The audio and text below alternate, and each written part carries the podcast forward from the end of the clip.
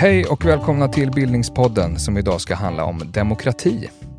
Magnus Bremmer heter jag och med mig här i studion på Stockholms universitet sitter Sofia Näström och Anders Burman. Varmt välkomna hit. Tack. Tack så mycket.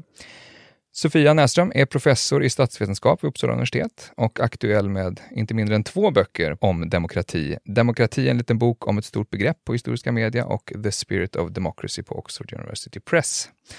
Anders Burman är professor i idéhistoria vid Södertörns högskola och aktuell med en bok. Anders, varför bara en bok? Vi återkommer till det. Den heter Dissensus, drömmar och mardrömmar i demokratins idéhistoria på natur och kultur. Sofia, du får börja. Eh, vad menar vi med ordet demokrati? Ja, vi menar vanligtvis folkstyre. Folkstyre betyder att folket ska styra över sina gemensamma angelägenheter. Men alla de här tre begreppen är väldigt omstridda. Vad, vilka är folket som ska styra sig själva? Hur ska folket styra? Och vad är det som vi ska styra över demokratiskt? Vad är gemensamt, offentligt och vad är privat? Och det där är ju, har varit kontroversiellt alla tre under historiens gång.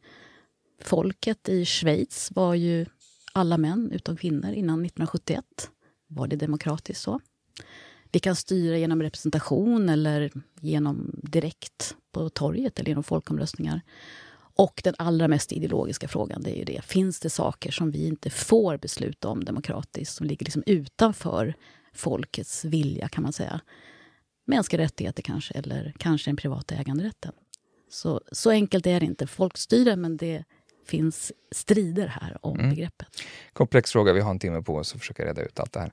Anders, eh, att demokratibegreppet har sina rötter hos de gamla grekerna tänker jag att kanske många har koll på. Men kan du säga någonting mer om eh, demokratibegreppets eh, historia?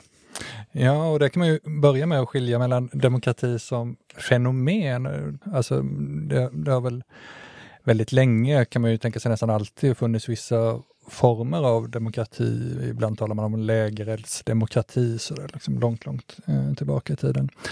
Eh, men den här moderna formen av demokrati, att, att ha liksom teorier om demokrati och på det sättet ett begrepp, det uppstår då med de antika grekerna på ja, 500-talet före vår tideräkning.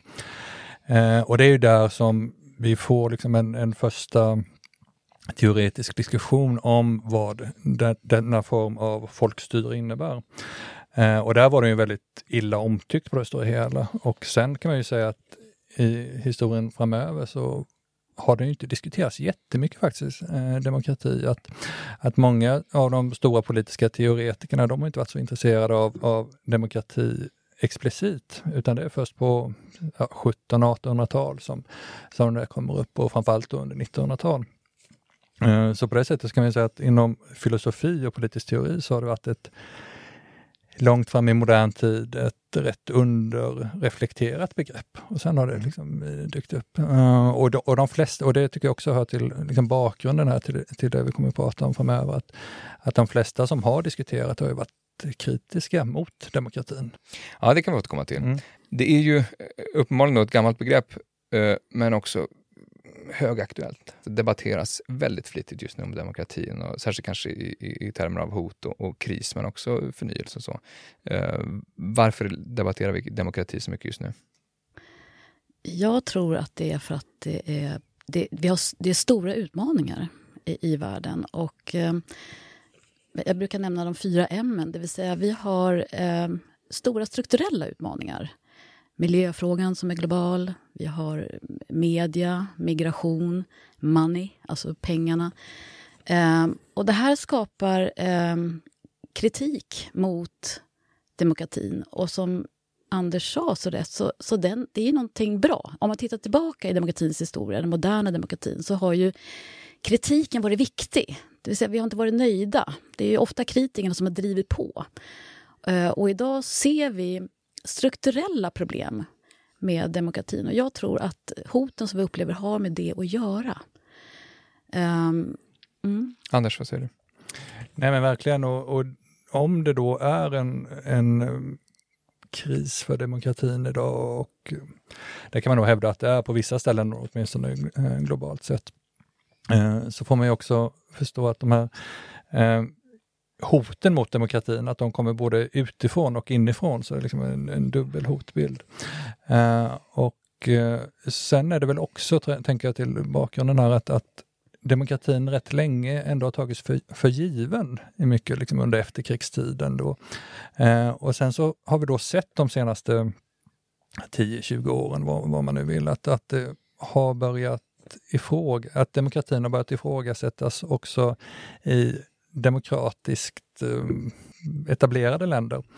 Eh, och då så har man liksom fått syn på detta, att det kanske inte är så självklart att, och jag såg någon underbar liten bonad här, häromsisten, eh, att demokrati är som bra uppkoppling, du saknar den inte förrän den är borta. eh, och, och, det, och det är väl också, mm. Joe Biden var väl inne på det i sitt president eller installationstal och sa någonting i stil med att vi eh, vi har lärt oss att demokrati är, är um, demokratin är skör men den har överlevt alltså efter det som hände då i Kapitolium några dagar innan. Mm, mm. Uh, och, och, det upplevs åtminstone som att den är hotad och då blir det väl en, en större uh, diskussion, medvetenhet och reflektion kring, mm. kring mm. detta.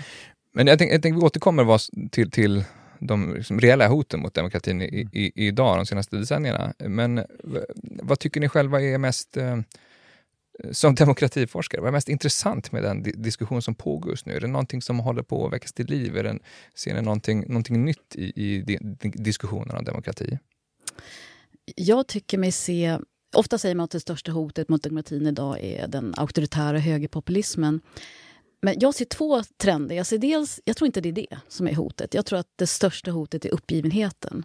Det vill säga att alla vi andra, 80% inte tror att vi kan förändra politiken genom demokratin. Det vill säga att det inte spelar någon roll vad vi gör eller så.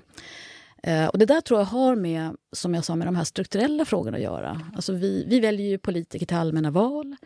Eh, och så vill vi att de ska leverera politik till oss. Men om de då inte har makten att påverka de här frågorna, migration, miljö och så vidare, då kan det skapa politikerförakt. Och i värsta fall också en känsla av att demokratin är svag, att den inte klarar det här. Och där tror jag att vi måste vara väldigt uppmärksamma på idag att skilja på den auktoritära högerpopulismen som utnyttjar det här svagheten, eller så att säga det här tillståndet, strukturella tillståndet, å ena sidan. Å andra sidan den kritik som vi var inne på tidigare, mm. som är väldigt konstruktiv, som säger men det, nu räcker inte att vi har demokrati på det här sättet. Alltså den som menar att ja, men det finns problem här mm. i demokratin som ska hantera. Det är en demokratisk så att säga, instinkt som vi ser också i den här kritiken. Men innebär känslan av att, att, att, att demokratin är hotad att vi också ser demokratin på nya sätt? Eller? Eh, ja, alltså, jag tror att eh, det, det Anders var inne på, det här att vi jag tror det är det viktigaste, att vi tänker att den finns där. Att vi saknar den inte förrän vi, vi mm. förlorar den. Och jag tror att det är väl det som vi upptäcker nu, att vi demokratin är ingenting som existerar där utan att vi själva agerar eller upprätthåller de här institutionerna. Det blir mm. ett tomt skal. Och det tror jag håller på att vi förstår det lite mer idag. Mm. Men, men också det då som är det riktigt intressanta tycker jag själv, det är att det finns en sorts utopisk impuls som har kommit tillbaka. Hur skulle vi vilja ha det istället? Alltså de här mm. drömmarna om ett ett samhälle som, vi, som är inrättat på ett sådant sätt som vi vill ha det.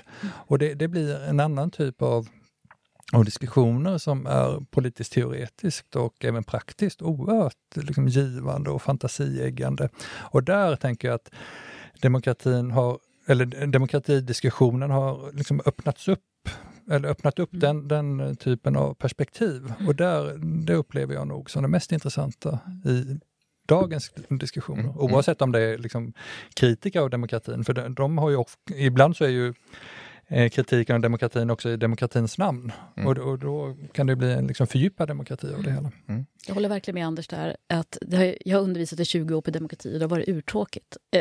och lite tråkigt. Alltså, vet att studenter, ja, ja.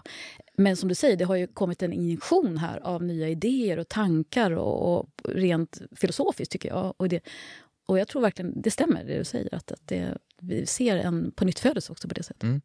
Eh, om vi fortsätter lite grann med att försöka definiera det här ordet då, innan vi vänder oss tillbaka i historien för att komma fram till vår tid igen.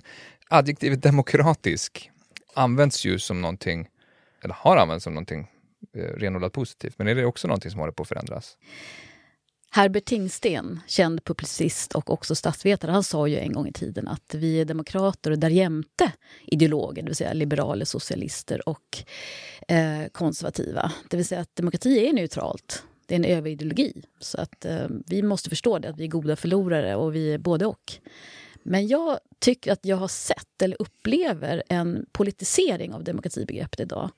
Där jag upplever att det också finns en känsla att den här besviken som vi pratar om, att du nästan kan bli liberal, socialist eller konservativ istället för demokrat. Mm. Så att jag tror att vi ser en politisering av demokrati och den skapar ju förstås också injektioner, precis som Anders sa innan, alltså nya tänkesätt. Så det är inte bara av ondo, så att säga, mm. att, att vi ser en sån politisering. Ja, och nej, precis som Sofia säger där, så är det ju under efterkrigstiden som det får den där positiva eh, klangen eller grundbetydelsen. Eh, och där är det ju ett problem med ett sådant ord att, att alla försöker använda det för sina egna syften. Eh, och det, det, kan man ju, alltså, om man tänker ett land som har stora demokratiska problem idag, det är ju Ungern. Men Orban, han talar ju om, om Ungern som en demokrati, men en illiberal demokrati istället för en eh, liberal demokrati. Eh, och det, det, är ju utifrån alla traditionella definitioner av, vad, eller de moderna definitionerna av vad, vad en demokrati är, så är det bara nonsens. Det, det är klart att det finns inget sånt som en illiberal demokrati. Men det säger någonting om värdet i det här ordet, att till och med när en sån auktoritär ledare som Orban, att han eh, vill vinna det här, eller han vill kalla sitt eget land för, för demokratiskt. Men är det så att ett land antingen är demokratiskt eller inte demokratiskt, eller finns det liksom grader av, av demokratisering?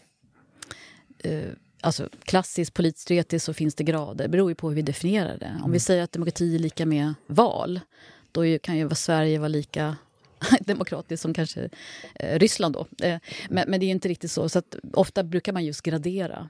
Men för att plocka upp det här, vad vi ser idag det är ju framväxten av så kallade elektorala autokratier där man håller fast vid valet men man undergräver spelplan för att valen ska vara fria och jämlika. Alltså man slår mot granskande journalistik, oberoende domstolar och så vidare.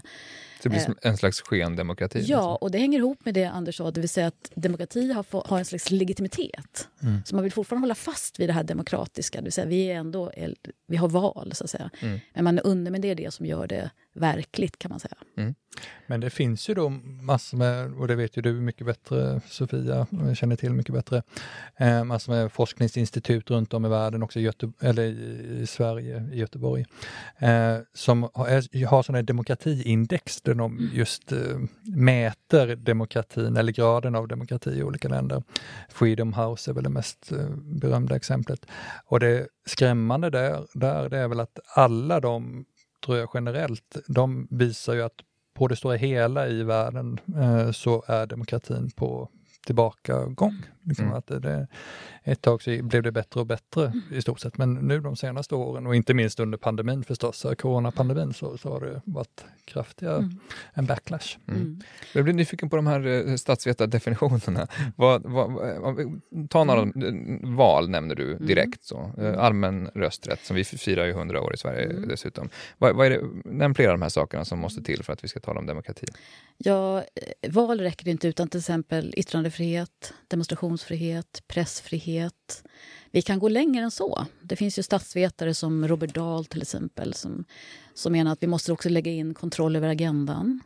Eh, inklusion.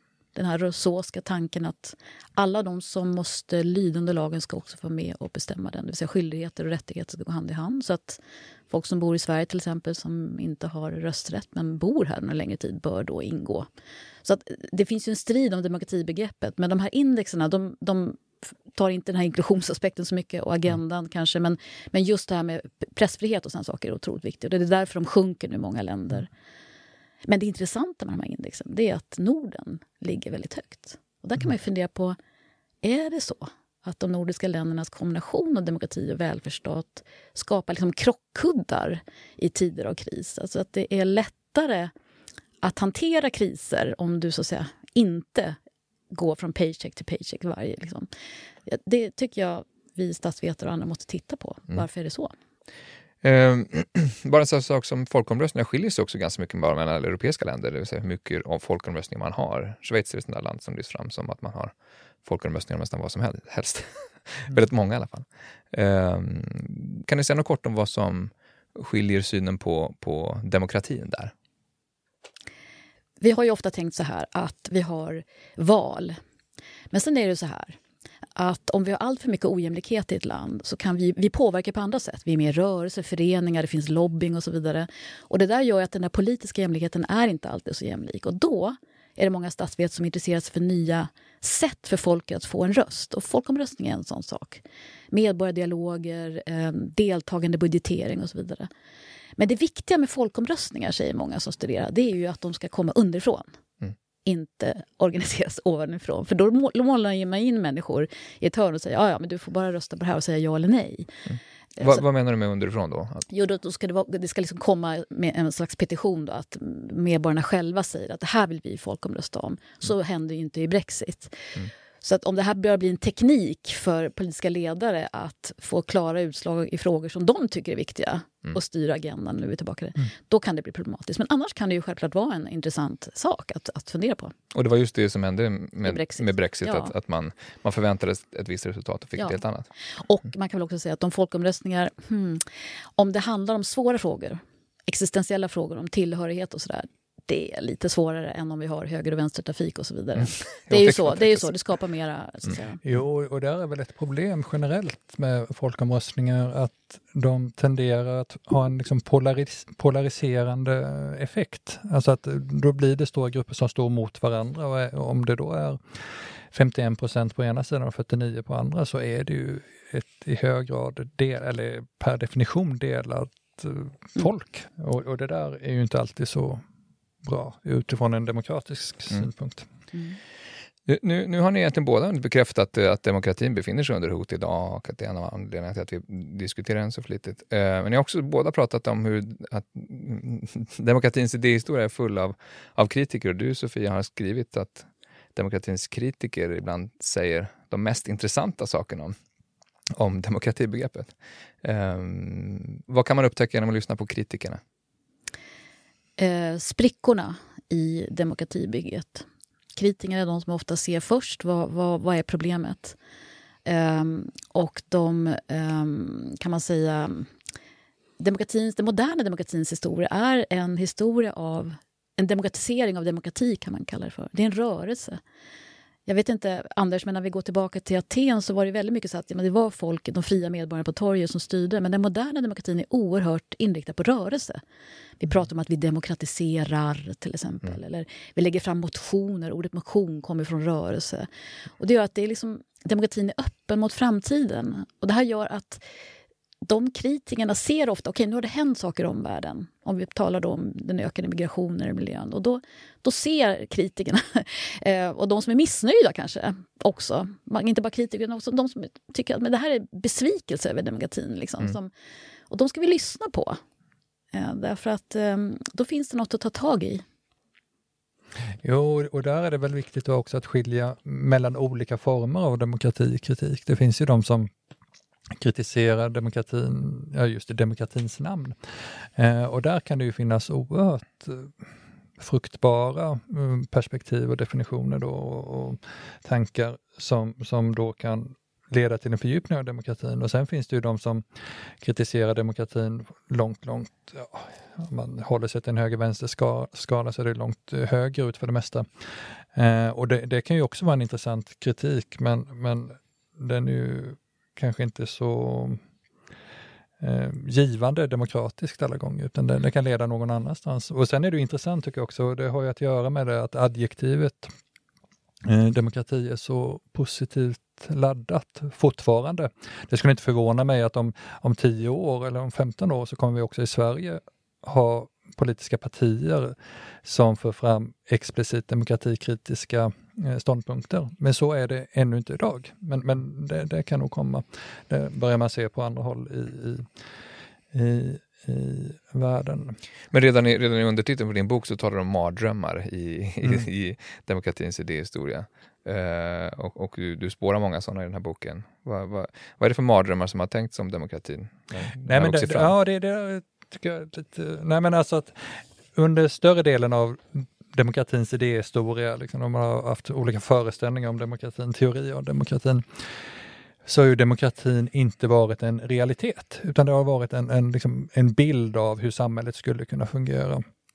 Och den bilden har ju då efter den antika Grekland, eller redan under, under, under det antika Grekland eh, och fram i modern tid så har den varit negativt kodad. Och, och det, det, alltså de här politiska teoretikerna och andra som har talat om demokrati har ofta sett detta som en, en skräckbild. Det liksom, som en mardröm. Så, så illa skulle det kunna bli om, om folket, som då man ofta sätter synonym med folket, är lika med de fattiga.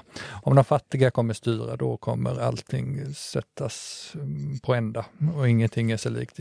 Alla hierarkier kommer försvinna. Är det där en återkommande mardröm så att säga, under senare tider också? Vem som helst kan inte ha en röst. så att säga. Nej, och, det, och där kan man säga att det, det finns en, en dubbel kritik mot demokratin. Och det, det ena är att demokratin lätt urartar i, i pöbelvälde. Eh, och, och, så har det ju varit i, i den äldre historien, absolut. Så, så hände till exempel i de atenska stadsstaterna ibland.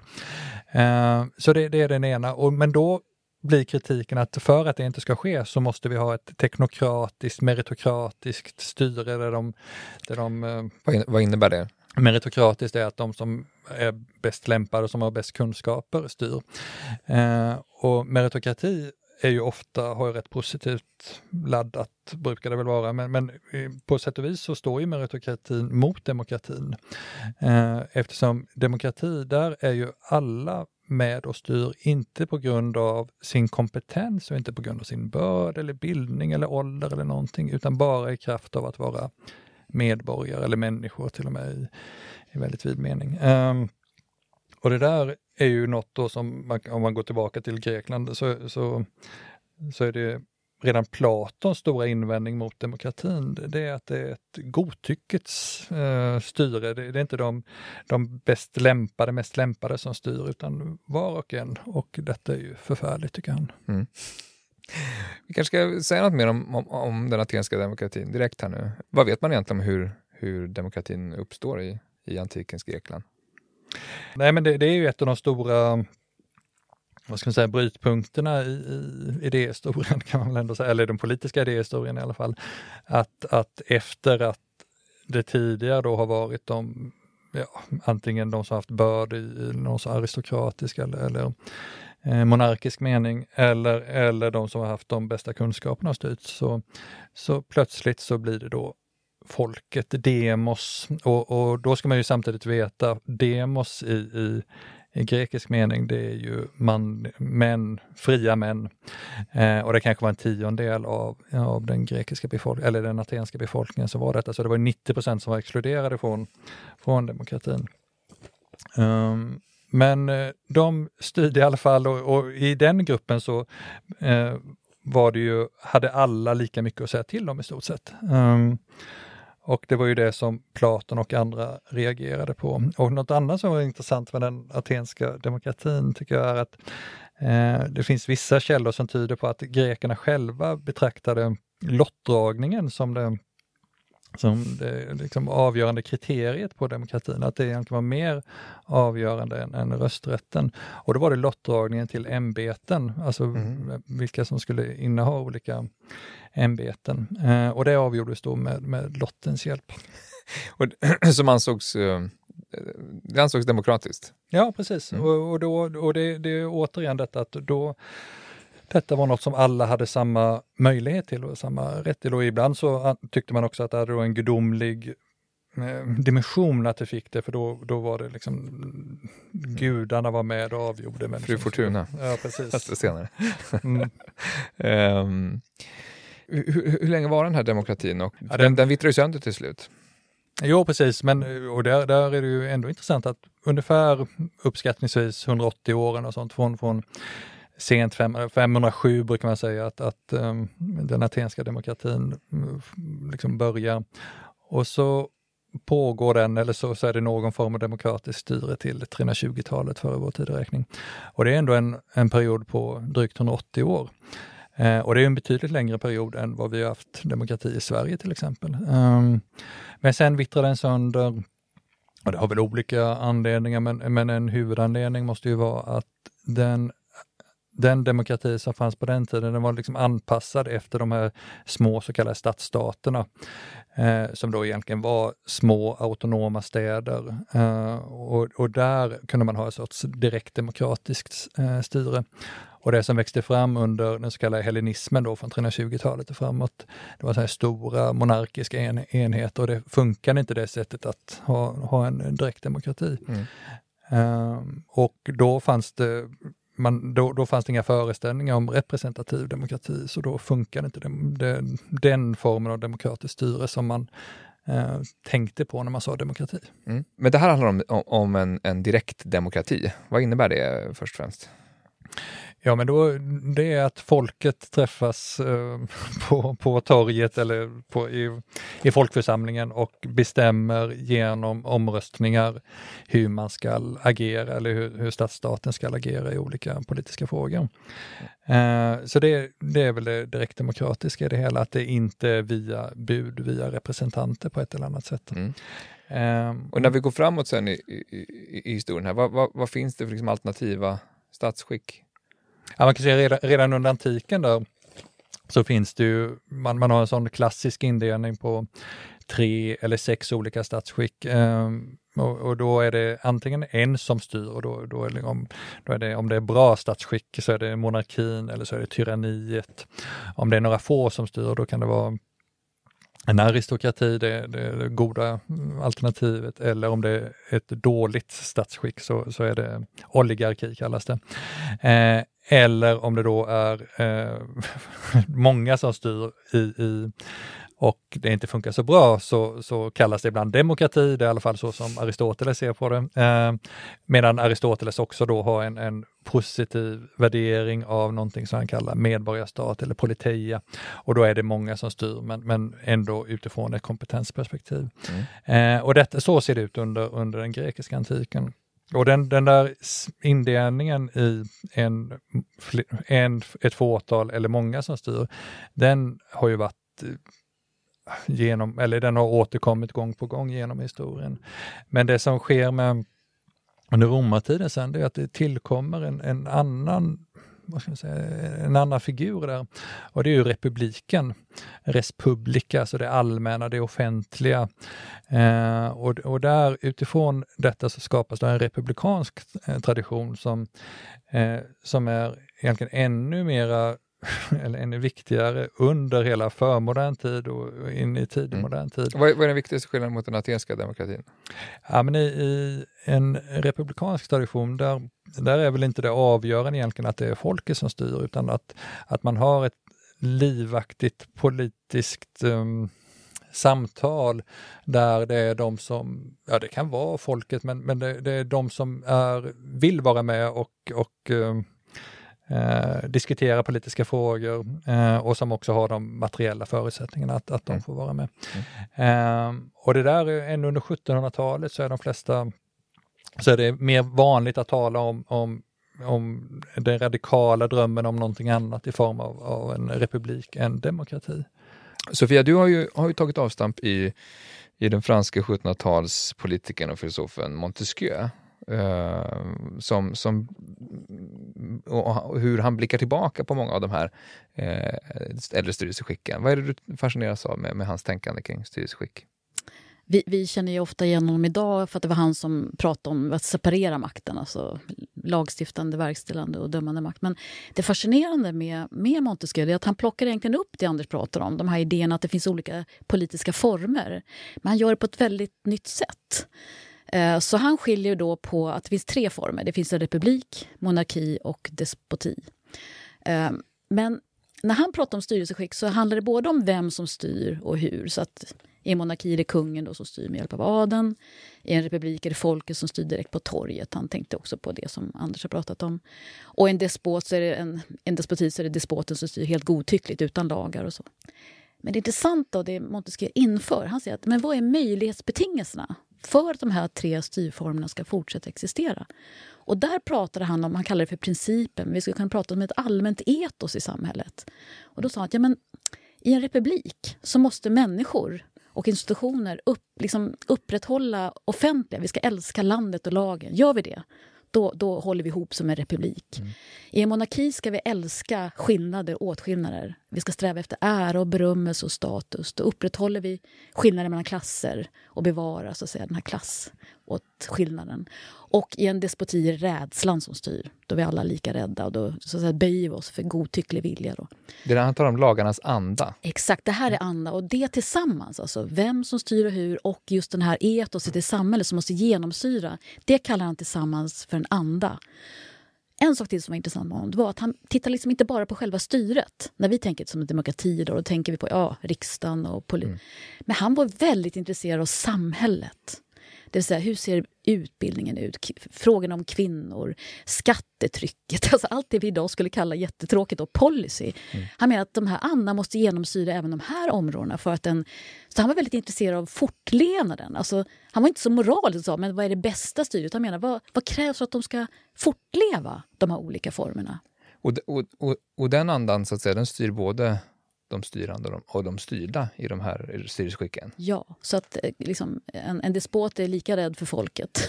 Mm. för att de ska gå på honom. Och, och, um, och folket är rädd för despoten? Ja, och i monarki så är till och med, med ingen strävar efter jämlikhet som man säger. Till och med de som är fattiga liksom vill helst kliva på någon annans rygg för, och sen liksom, eh, stepp på någon annan. Liksom. Det finns mm. ingen som tänker jämlikhet utan det är just åtskillnad som är det viktiga. Mm. Och hur, hur, gäller det för monarkin då? Det är monarkins. Det var monarkin, ja. republiken? Och republiken är att vi, att vi prioriterar det offentliga Lite som, som Anders pratade om i Aten, alltså att vi måste prioritera offentliga och gemensamma framför våra privata egenintressen. Eh, och tänka att vi tillhör ett gemensamt, så att landet och lagen är det viktiga i en republik. Demokrati som begrepp fanns ju i Aten, men sen försvann ju det. Då kom ju det här republikbegreppet väldigt starkt. Mm. Även under franska amerikanska revolutionen pratade mm. man om republiken. Eh, så att precis demokratibegreppet kommer ju liksom, det fanns där mm. under amerikanska franska men det är inte mm. lika starkt som vi uppfattar det idag. Men som du beskriver Montesquieus tankar så blir det nästan fascinerande lik eh, eh, franska filosofen Michel Foucaults eh, tänkande ibland kan jag tycka. Vet du vad, jag har tänkt så ibland också. Ja. Eh, han talar inte om anda utan om diskurser och men ja. möjlighetsvillkor och regerandekomplex och sånt. Men principen om detta som styr, eh, både styrda och, och, och mm. de styrande, känns som en väldigt modern tankesätt på 1700-talet. Ja, eller han hade en, en modern tanke. Alltså, och, och om vi tittar på Foucault så tittar han på diskurser som du säger, men han tittar ju också på vad som händer i styrning, inte bara mm. i termer av utan styrning också i samhället. Jag tänker ofta på det här med social ingenjörskonst som vi haft i Sverige. Eh, och det finns ju en, en neoliberal ingenjörskonst också. Ja, den sociala ingenjörskonsten har med välfärdsstaten mm. att göra. så. Mm. Ja, och jag tror att vad Foucault egentligen också studerar det är ju den där eh, ingenjörskonsten från olika håll. Mm. Så att även den här neoliberala som vi ser, nudging, det vill säga att vi ska uppmuntras att eh, tävla med varandra. Mm. Och mark markna ja, och mark mm. marknadstänket liksom tar över I, i, och där riktar han ju inte intresset mot våra institutioner. Han är ointresserad av vad som händer i riksdagen. Utan mm. han intresserar sig för vad som händer i policy, vad som händer i språket, vad som händer på andra områden. Men Montesquieu eh, tänker de här tankarna före den moderna demokratins genombrott egentligen. Så därför har du kompletterat hans tänkande. Men vi ska hålla lite på det och prata om vad som då möjligtvis är demokratins anda. Eh, men om vi tar först det sena 1700-talet, lite revolutionernas tid, både i Frankrike och USA. Vad, eh, vad är det som händer här, i, om vi pratar om demokratins idéhistoria. Ja, vad händer här? Jo, men det är ju lite, lite nätt fråga. lite nätt fråga. Nej, men det är ju 1700-talet är upplysningens århundrade i mångt och mycket och, och där händer det ju eh, väldigt mycket då. Och, eh, och där kan man ju lägga märke till att de flesta upplysningsfilosofer, de var ju inte demokrater utan de, de, de hade på det stora hela en ganska föraktfull inställning till folket i gemen och sånt och tyckte att det var, de föredrog en upplyst despoti framför en, en demokrati helt klart. Uh, men ändå så börjar de här... Varför, varför då egentligen? Va? Nej, men därför att uh, av, av det här skälet att uh, Lite det, som Platon om att... Ja, att, precis. Det, det, är de som har kunskapen som borde styra. Mm. Men ändå så börjar ju de här demokratiska idéerna uppstå lite här och var. Och som Sofia sa innan så i, i den amerikanska revolutionen då, där talar man till en början inte alls om, om demokrati utan där, där är det republiken. Men så småningom, allt eftersom, så börjar demokratiska idéer att föras in i detta. Och samma sak i, i eh, i Frankrike då under, under, under deras revolution från 1789 och framåt. Också där är demokrati till en början inte något centralt begrepp, men, men blir det allt eftersom. Eh, och båda de där revolutionerna är ju demokratiskt avgörande, inte desto mindre genom att, eh, eller bland annat genom att de sätter fokus på det här med mänskliga och medborgerliga rättigheter och, och då blir det att, att varje människa får en möjlighet att vara med och påverka samhället på ett sätt som inte de flesta tänker under 1600-talet exempelvis inte, inte eh, ställde sig bakom. Um, och, där, och detta öppnar ju då, om, om man säger att alla människor har vissa mänskliga eller medborgerliga rättigheter, mm. eh, då även om man gör, gör massor med undantag från detta i, i praktiken så, så kommer nya grupper kunna hävda att ja, men vi är också människor, varför, varför inte vi dessa politiska rättigheter? Och det är ju det som sker i, i ja, framförallt i Frankrike då, eh, när och det stora med den franska revolutionen i detta avseende, det är ju faktiskt att kvinnor konstituerar sig som ett politiskt eh, kollektivt subjekt för första gången. Mm. Eh, och det har ju inte skett innan. Och på det mm. sättet ska man också säga att, att sådana som Olympe de Gouges och andra, att, att eh, de, Vem då? Ja, det, det var en, eh, en eh, fransk aristokratisk kvinna på sätt och vis, pjäsförfattare och politisk teoretiker som reagerade just på nationalförsamlingens eh, deklaration om de mänskliga rättigheterna från 1789. Eh, och, och där hon då säger att men det här som ni säger gäller för alla människor, det gäller i praktiken bara för män. Men vi måste vidga detta till att också omfatta kvinnor. Så hon, hon, gör, hon skriver om de där eh, 17 artiklarna i rättighetsförklaringen och eh, utifrån ett kvinnligt perspektiv. Mm. Sofia, vad, vad, vad, är du mest fascinerad av eh, i, i den här tiden? Dels är jag intresserad av den sociala frågan. Om man tittar i Frankrike så var det ju missnöjet där över så att säga, fattigdomen som också drev på. Um, men om vi tittar på upp, upplysningstänket som kom här var ju väldigt kopplat till autonomibegreppet. Mm. Och det har ju med förnuftet att göra, upplysningen. Det vill säga att vi ska, både hos Kant och så ser vi den tanken att vi ska vara vår egen lag. Autonomos, nomos betyder lag. Och det här ligger en tanke att vi människor kan vi har ett förnuft, men så har vi också drifter och passioner. Vi kan göra fel, så att säga. Mm. Och den där tanken eh, kommer ju väldigt starkt också. Den ser vi också i, i lagar. Att, att lagen ska ju hjälpa oss att bli vårt bättre jag. Eh, den ska upprätthålla liksom vårt högre jag, om man säger så. Då. Och Det betyder att även om vi ibland gör fel eller ja, du vet, du går mot röd gubbe eller du gör något fel så är den så, ja, ja, men den binder dig i alla fall. För du, du vill verkligen det ändå. Det här, mm. ditt högre. Och hela den tanken slår igenom väldigt mycket och den finns kvar i vår lagstiftning och hos moderna tänkare som Habermas till exempel som har skrivit mycket om det här med lag och så. Mm. Så den tanken, autonomitanken kommer ju väldigt stark här med upplysning, eller hur? Förnuftet mm. ska, ska styra. Och det intressanta där är också att den här autonomi tankar på individuell nivå, den går ju också hand i hand med ett, ett, att man börjar se samhället som ett projekt eller politiken som ett projekt, så, som att vi kan skapa någonting nytt eh, tillsammans. Och, och då kan man ju, och det, med exemplet Montesquieu som du nämnde här innan Sofia, att, att han var tillbakablickande, det var ju egentligen alla filosofer fram till 1700-talet eller någonting sådant. Eh, men, men nu börjar man då ha blicken riktad mot framtiden. Vi, ska, vi, kan skapa någonting nytt tillsammans. Vi kanske inte får uppleva det nya, men, men om vi gör saker idag, vissa uppoffringar idag, så kan våra barn eller barnbarn få uppleva detta. Och det, det är liksom en ny tanke, det skapandet av det nya, det radikalt nya och det ligger i revolutionen och det, kanske, och det öppnar också för att man börjar konceptualisera demokratin på ett nytt sätt och inte, inte den här direktdemokratin utan mm. som en representativ demokrati som gäller en mycket större, ja, ett stort folk till exempel. Mm. Så, så, vi ser uppenbarligen här någon form av genombrott för, för vad som blir moderna demokratiska tankar, men det, det, det, finns ju också väldigt mycket kritik mot demokratibegreppet. Ehm, eh, du Anders citerar din bok Rousseau Eh, alltså Jean-Jacques Rousseau, 1700-talsfilosofen, som säger hade det funnits ett folk av gudar skulle de ha styrts demokratiskt. Ett så fulländat styrelseskick passar inte för människor. Det låter inte så hoppfullt. Vad säger ni om, vad säger ni om Rousseaus eh, eh, demokratipessimism här? Hur, går den, hur passar den in i, i blicken på, mot framtiden och så vidare? Jo, men Rousseau han är ju ett väldigt eh, intressant fenomen här. Att, att, han är ju en av de första i, i modern tid som verkligen tar upp det här demokratispåret och, och gör någonting explicit av det och resonerar fram och tillbaka. Och kommer väl fram till då, med, med som det här citatet illustrerar, att, att någon konsekvent demokrati, det har egentligen aldrig funnits och kan inte heller finnas. Uh, och detta har att göra med att det ställer för höga krav på oss, enligt Rousseau. Då.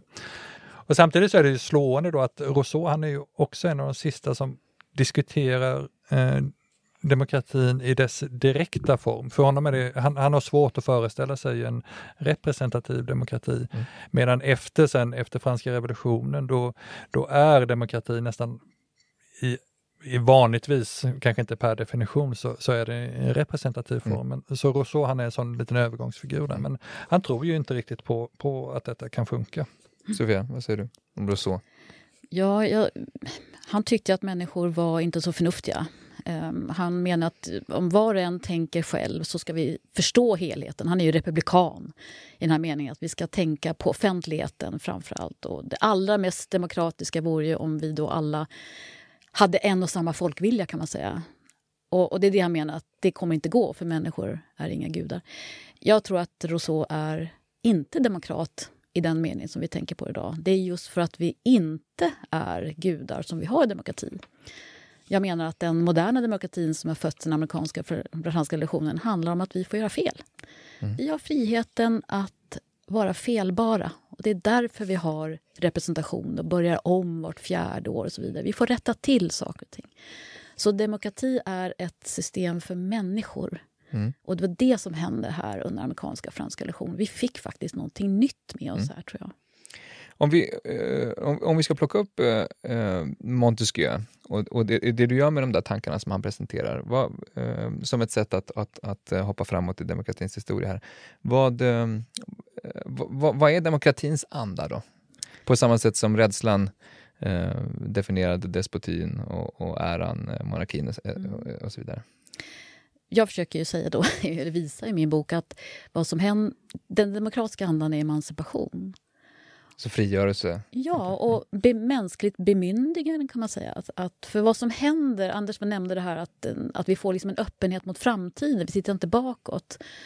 Um, vad som händer i den amerikanska franska revolutionen inte bara att folk gör sig fri från kungen, så att säga, monarkin, utan också från alla de här extrapolitiska auktoriteterna. Det vill säga historien, naturen, Gud, att det finns en högre auktoritet som styr över oss. Utan vad som händer är att när man plockar bort det där, då blir ju människan själv bärare. Vi kan inte lita tillbaka på historien, för den var ju, mm. den var ju despotisk och det var inte bra. Var, utan framtiden är öppen. Och det skapar en enorm kan man säga, frihet och jämlikhet som, som vi står inför här. Att helt plötsligt, vad vi gör eller inte gör får betydelse hur framtiden ser ut. Mm. Och det där är både befriande, för vi kan göra oss av då med alla de här högre auktoriteterna som har verkat i liksom, monarkins och klass, klasskillnadernas syfte. Men det skapar också en börda. Mm. Det betyder att om du inte agerar nu så betyder det någonting. Det kan vara väldigt tungt att bära. Mm. Och jag menar att det som hände här, rent idémässigt, försöker jag visa, inte historiskt, är att genom att fördela den här osäkerheten om framtiden som det blir jämlikt mellan människor så får vi den här emancipationstanken. Det vi gör, vi blir vi, vi blir frigjorda i meningen att vi bär framtiden tillsammans. Och Det är det vi gör vart fjärde år när vi går och röstar. till exempel. Det är en, det är en instans av det här idén om emancipation. Det vill säga att vi får friheten att börja om. Mm. Vi är människor, vi är felbara och vi är starka när vi organiserar oss. Och I det ligger att också gemensamt någonstans tro på den här osäkerheten att inte vara styrd av, av det högre. Ja, och vad som händer är att när vi släpper lös liksom, och inte tror att det, samtiden är förutbestämd eller att det mm. finns en gud som styr, då, då vilar det ju liksom i våra händer. Och det var den här som var den radikala tanken under amerikanska franska revolutionen. Och, och, och vi har ju sett rörelser efter det Alltså emancipation betyder att man, man, gör själv, man pratar om självemancipation. Mm. Hur demokratin från 1800-talet, men framförallt 1900-talet då, har handlat om rörelser. Om att, så att säga, börja om. Mm. Med att nya grupper kom in i politiken. Män utan förmögenhet, arbetare, kvinnor, svarta i USA. Så att, eh, är det i grund och botten samma tanke från den här tiden som leder fram till eh, allmän rösträtt och, och folkrörelserna och liksom det demokratiska genombrottet? Jag försöker visa det i min bok.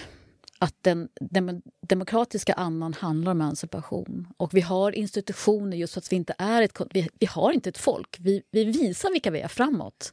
Så vilka är vi folket? Ja, det, det får vi ju se efter vi har hållit val. Vad vill vi? Så den, är, demokratin, den moderna demokratin är framtidsinriktad, precis som mm. Anders sa tidigare. Väldigt mycket riktad mot framtiden. Nej, men jag tycker det är jättespännande det här att, att, eh, den här inkluderande logiken som, som du sätter fingret på där, Sofia, den, den är ju oerhört träffande. Och det är ju så man kan beskriva i mångt och mycket demokratins moderna historia, att, att nya grupper och människor har successivt inkluderats i, i demos då och som ska få vara med och vilka det är som ska få vara med och bestämma över de här politiska frågorna. Uh, och det, den har ju blivit större och större och, och där är ju nästa stora steg då i, i, utvecklingen, det är just de här rösträttsreformerna kring, kring eh, sekelskiftet, decennierna kring sekel, sekelskiftet 1900.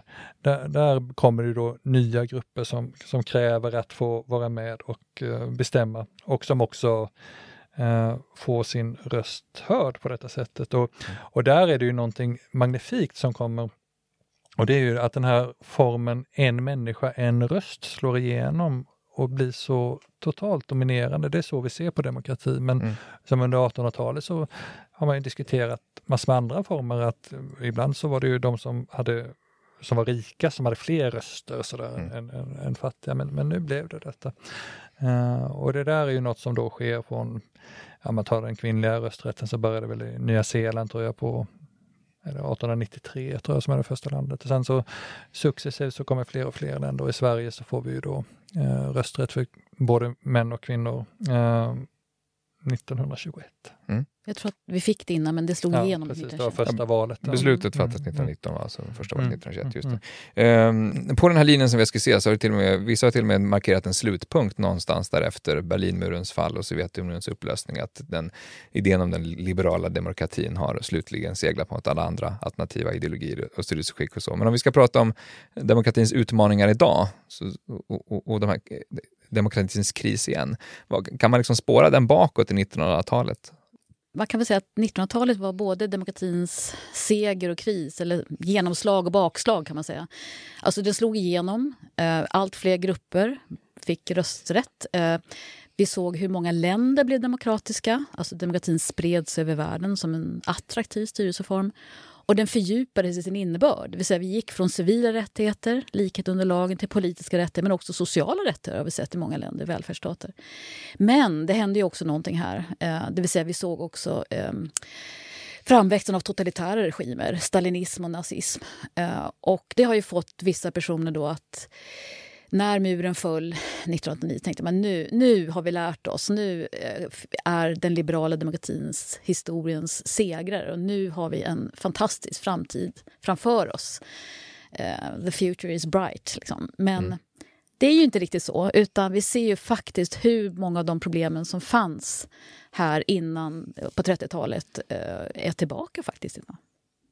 På, på senare tid har det istället talats om att vi lever i, i någon slags postpolitisk eller postdemokratisk tid. Vad, lä, vad lägger man i de här begreppen? Har, har det med den här uh, historiska linjen att göra som vi pratar om? Jo, men det, man kan ju koppla detta också till det du sa innan Sofia med, med um, Tingsten och um, den parlamentariska liberala demokratin som en överideologi. Att vi alla är demokrater? Vi är alla demokrater och, man har berättat eller talat om detta som liksom, demokrati som en ny religion som alla ställer sig bakom och tillber och sånt. Och, och under 90-talet och tidigt 00-tal, då, då, det var då som de här teorierna om, om en postpolitisk och postdemokratisk tid kanske var som Eh, som uh, mest aktuella. Och då, då, var, då tänkte man väl sådär att, att demokratin inte spelar så stor roll utan alla säger sig vara demokrater men vad betyder det egentligen det? Och, och, de, olika, och de här stora liksom, motsättningarna mellan höger och vänster var det vissa som tyckte att de luckrades upp och politi de olika pa politiska partierna samlades i mitten. Eh, och där fanns väl någonting då i, i denna postpolitiska, eh, eller föreställningen om det postpolitiska. Och till det så kommer väl också då att, att man tänkte sig att de avgörande frågorna nu utspelades i ett, eh, liksom e-, ett ekonomiskt eh, register istället för ett politiskt. Att, att, att ekonomin satte ramarna för, för politiken snarare än tvärtom. Nu, nu är ju nästan ingen i mitten av de politiska partierna, eller på att säga. Det är något som har hänt här. Det har också talats nu om en, om en, liksom en eh, återpolitisering i, i, i talet om demokrati. Uh, vad, vad, vad är det som har hänt? Dels har vi den här strukturella problemen, alltså vi, vi, migrationsfrågan, miljö, social media och money. Men vad vi också sett de senaste 30-40 åren är ju postpolitisk hänger ihop med den här mittenpolitiken men också en, en politik som ibland går under namnet neoliberalism i många demokratier. Som har, om vi tar de här begreppen med osäkerhet, som har faktiskt osäkrat också människors tillvaro. Man har försökt liksom, den här ekonomismen har satts så att säga, uppmuntrar oss att tävla och konkurrera. Och vi ska bli vinnare och förlorare och det är social status som gäller. Och eh, man har skurit ner på många av de sociala rättigheter kan man säga, som, som drevs på under 1900-talet. Och den där kombinationen med det, att människor lever mer prekärt, brukar man prata med, och de här stora utmaningarna som har med migration att göra, det är faktiskt en ganska farlig kombination. Mm. Eh, därför att det ger möjlighet för grupper som inte är demokrater att ställa olika grupper mot varandra. Mm. Och det är det vi ser. Och det är en, det är en, en olycklig situation. Eh, det som händer just nu. Men när man, tar, när man talar om populism, det har ju väldigt mycket med, med äh, folkvilja att göra. Det ligger ju i, i, i, ordet. Man har talat om Donald Trumps framgång som äh, någonting som är med folket men mot demokratin. Har, har, har de här strömningarna synliggjort någon slags sårbarhet i, i demokratin som man inte har sett tidigare riktigt? Alltså idag, det finns en auktoritär högerpopulism och den menar jag är ett hot mot demokratin. Men vi ser också en vanligt folkligt missnöje med sakernas tillstånd som är helt, helt legitimt. Det vill säga man är inte nöjd. Vi pratade i början på det här samtalet om kritikerna. Och här gäller det att lyssna också. Så alla som är emot så att säga, demokratin, alla som har saker att säga här är ju inte antidemokrater. Mm. Men, men jag tror att den här folkviljetanken är farlig. Eh, auktoritära populister har ju, kopplar ihop med nativism. Det vill säga demokratin säger man tillhör den infödda majoritetsbefolkningen i ett land. Och det tycker man är demokrati, att majoriteten bestämmer minoriteten. Men det är ju, det är ju i en demokrati vet vi ju inte vilka som är en majoritet förrän efter vi haft mm. val. Och här, här har vi en väldigt skarp kontrast mellan högerpopulism och demokrati. Alltså inom högerpopulismen då används majoritetsbegreppet för att avgöra vilken folkgrupp som ska styra. Det ska den största folkgruppen göra över minoriteten. Mm. I en demokrati används majoritetsbegreppet för att avgöra vilka individer som ska bestämma oavsett folkgrupp. Så majoriteten är benämningen på den grupp som blir störst efter allmänna val. Mm. Och det här, det, det, här är ett hot mot demokratin. Mm. Nej men det där är ju superspännande tycker jag. Och, och där är ju också att man kan urskilja två olika folkbegrepp egentligen. För det ena som vi har talat om tidigare det är ju liksom demos, folket, eh, som är den som ska styra och bestämma i en demokrati. Eh, och sedan så har vi då populus, det latinska folket. Och, och, det är kanske ingen tillfällighet att man då talar om populism, för då är det detta folket som, som du är inne på Sofia. Som, och, och populismen bygger på en exkluderande logik. Det är vi mot de andra. Och man skulle ju kunna hävda, och jag, skulle, jag vill nog hävda, att, att demokratin bygger på en inkluderande logik. Eh, och då är det liksom två olika folkbegrepp som står mot varandra här. Eh, och då passar det ju, och det, det är kanske ingen tillfällighet, jag vet inte hur det kommer sig att, att det heter populism, men det, det är i alla fall den typen av av en exkluderande eh, massa som står vi mot de andra. Men här finns det ju också för när man talar om populism idag så är det ju nästan, eller för det mesta tänker vi på de här högerpopulistiska ledarna och partierna och, och också nyfascistiska och till och med nazistiska. Eh, men, men det finns ju också en vänsterpopulistisk rörelse eh, runt om i, i världen och det finns en belgisk eh, politisk teoretiker som heter Chantal Mouffe som, som har skrivit ett manifest för en, för en vänsterpopulistisk eh, politik. Eh, och hon och en, en, tidigare medarbetare som numera är död, eh, Laclau, eh, Ernesto Laclau, de, de skrev mycket av det där och, och menar då att vänster måste ta lärdom av högerpopulismen någonstans och, och eh, aktivera olika politiska energier på samma sätt som, som eh, högermänniskorna har gjort. Alltså enda, enda sättet att möta högerpopulism är att skapa en vänsterpopulism. Ja, ja precis. Och, mm. och, och det där de, de, de, där har ju också vissa anhängare i Sverige, det synsättet. Eh, själv har jag personligen rätt svårt för att förstå den logiken, men, men det ligger ju någonting i det. Och där är det väl eh, Eh, som Laclau och Moff argumenterar för. Det, detta är politik igen, det är liksom bortom den där mm, tredje vägens politik och, eller, eller den här nyliberalismen, utan här, här sätter man igång, eh, sätter, frigör olika krafter och utopiska mm, energier. Så just nyliberalismen från Uh, uh, ja, Thatcher, Reagan mm. och framåt, uh, ekonomiserade någonstans demokratin. Mm. och här ser vi, det är det här som är återpolitiseringen någonstans. Ytter, polariseringen av det politiska klimatet, eller? Ja, enligt Chantal Mouffe och dem. Och sen, sen skulle man ju kunna argumentera för att vänstern också måste hitta andra sätt att, att kunna politisera demokratin utan att bli populistisk. Men, mm. men det där är Vad säger du om det? Uh, hur, hur förenligt är den här pol pola polariserade populismen med, med samtida demokrati? Jag tycker Chantal Mouffe har, har gjort den bästa diagnosen. Det vill säga, alltså hon, var ju tidig ut med att påpeka skillnaden mellan att om vi inte får prata ideologi, framtiden, för att nu återkomma mm. till demokratin, alltså vi har olika synsätt. Vad är, en, vad är en liberal, socialistisk, konservativ syn på de här stora frågorna? Framåt, vad vill man? Om social media globalt eller miljö och så vidare. Det är en sak att bara stänga, stänga gränsen, men vad vill man framåt? Om inte det finns, då sa hon, ja men då blir det inte, då får vi inte ideologier längre, då får vi antagonist. Då får vi just det Anders sa, den här, eh, så att säga, folk blir missnöjda med demokratin vi får helt enkelt grupp, nej, exkluderande tanken man ställer grupper mot varandra. Mm. Så jag tycker hon har varit duktig på att diagnostisera. Sen är jag inte lika eh, övertygad om att man ska bemöta högerpopulism med en vänsterpopulism. Okej, i den här krissituationen, eller det kritiska tillståndet för demokratin som ni ändå har, har, har, har menat att, att, att, vi befinner oss i nu. Vad, vad är liksom vägen framåt?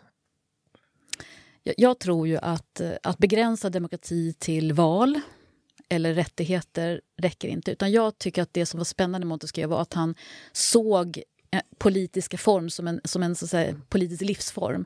Att han inkluderade det vardagliga, det materiella. Alltså idag skulle vi kanske säga då frågan om arbete, medborgarskap, utbildning. Allt det som går under namnet policy. Och så vi tänker ja, men det är lite vid sidan av demokratin. Det är liksom, men det är ju faktiskt, dramat pågår ju faktiskt där väldigt mm. mycket. Det är där vi så säga, skapar om incitamenten för oss människor.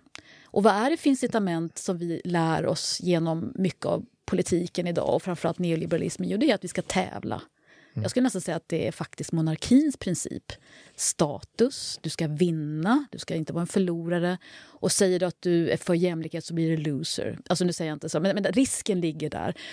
Där måste vi titta. Vi måste gå in på de här mer vardagliga områdena, tror jag. Mm. Och fundera på hur börjar vi om igen så att säga, på de här områdena och där vi inte ställer människa mot människa eh, i, i, existens eller social status eller ekonomisk säkerhet. Mm.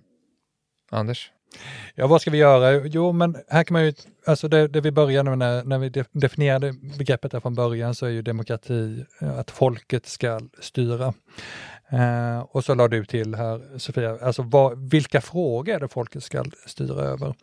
Eh, och den, den frågan kanske vi behöver diskutera lite mer. Alltså vad, vilka områden då ska demokratin omfatta? Och det är egentligen det du säger, att, att till exempel fortfarande under 1970-talet så talar man mycket om ekonomisk demokrati och eh, demokrati på företag och, och så vidare. Och, och, den typen av diskussioner är nästan helt försvunnit.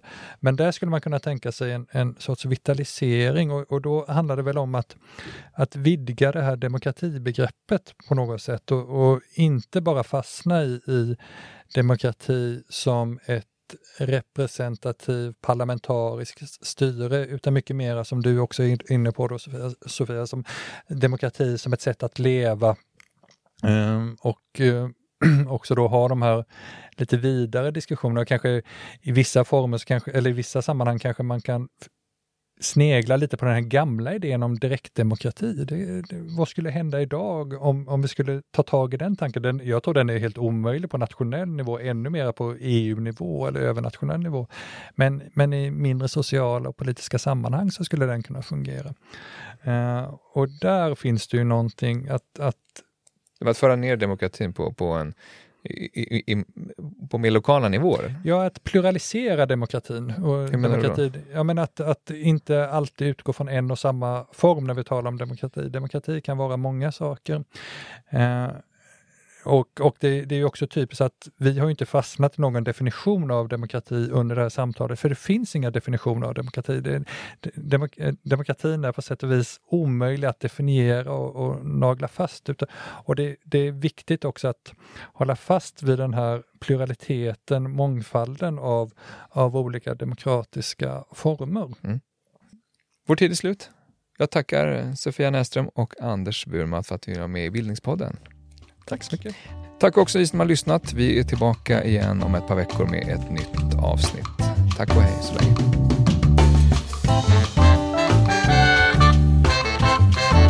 Du har lyssnat på Bildningspodden, en del av bildningsmagasinet Anekdot. Fler poddar, filmer och essäer hittar du på anekdot.se.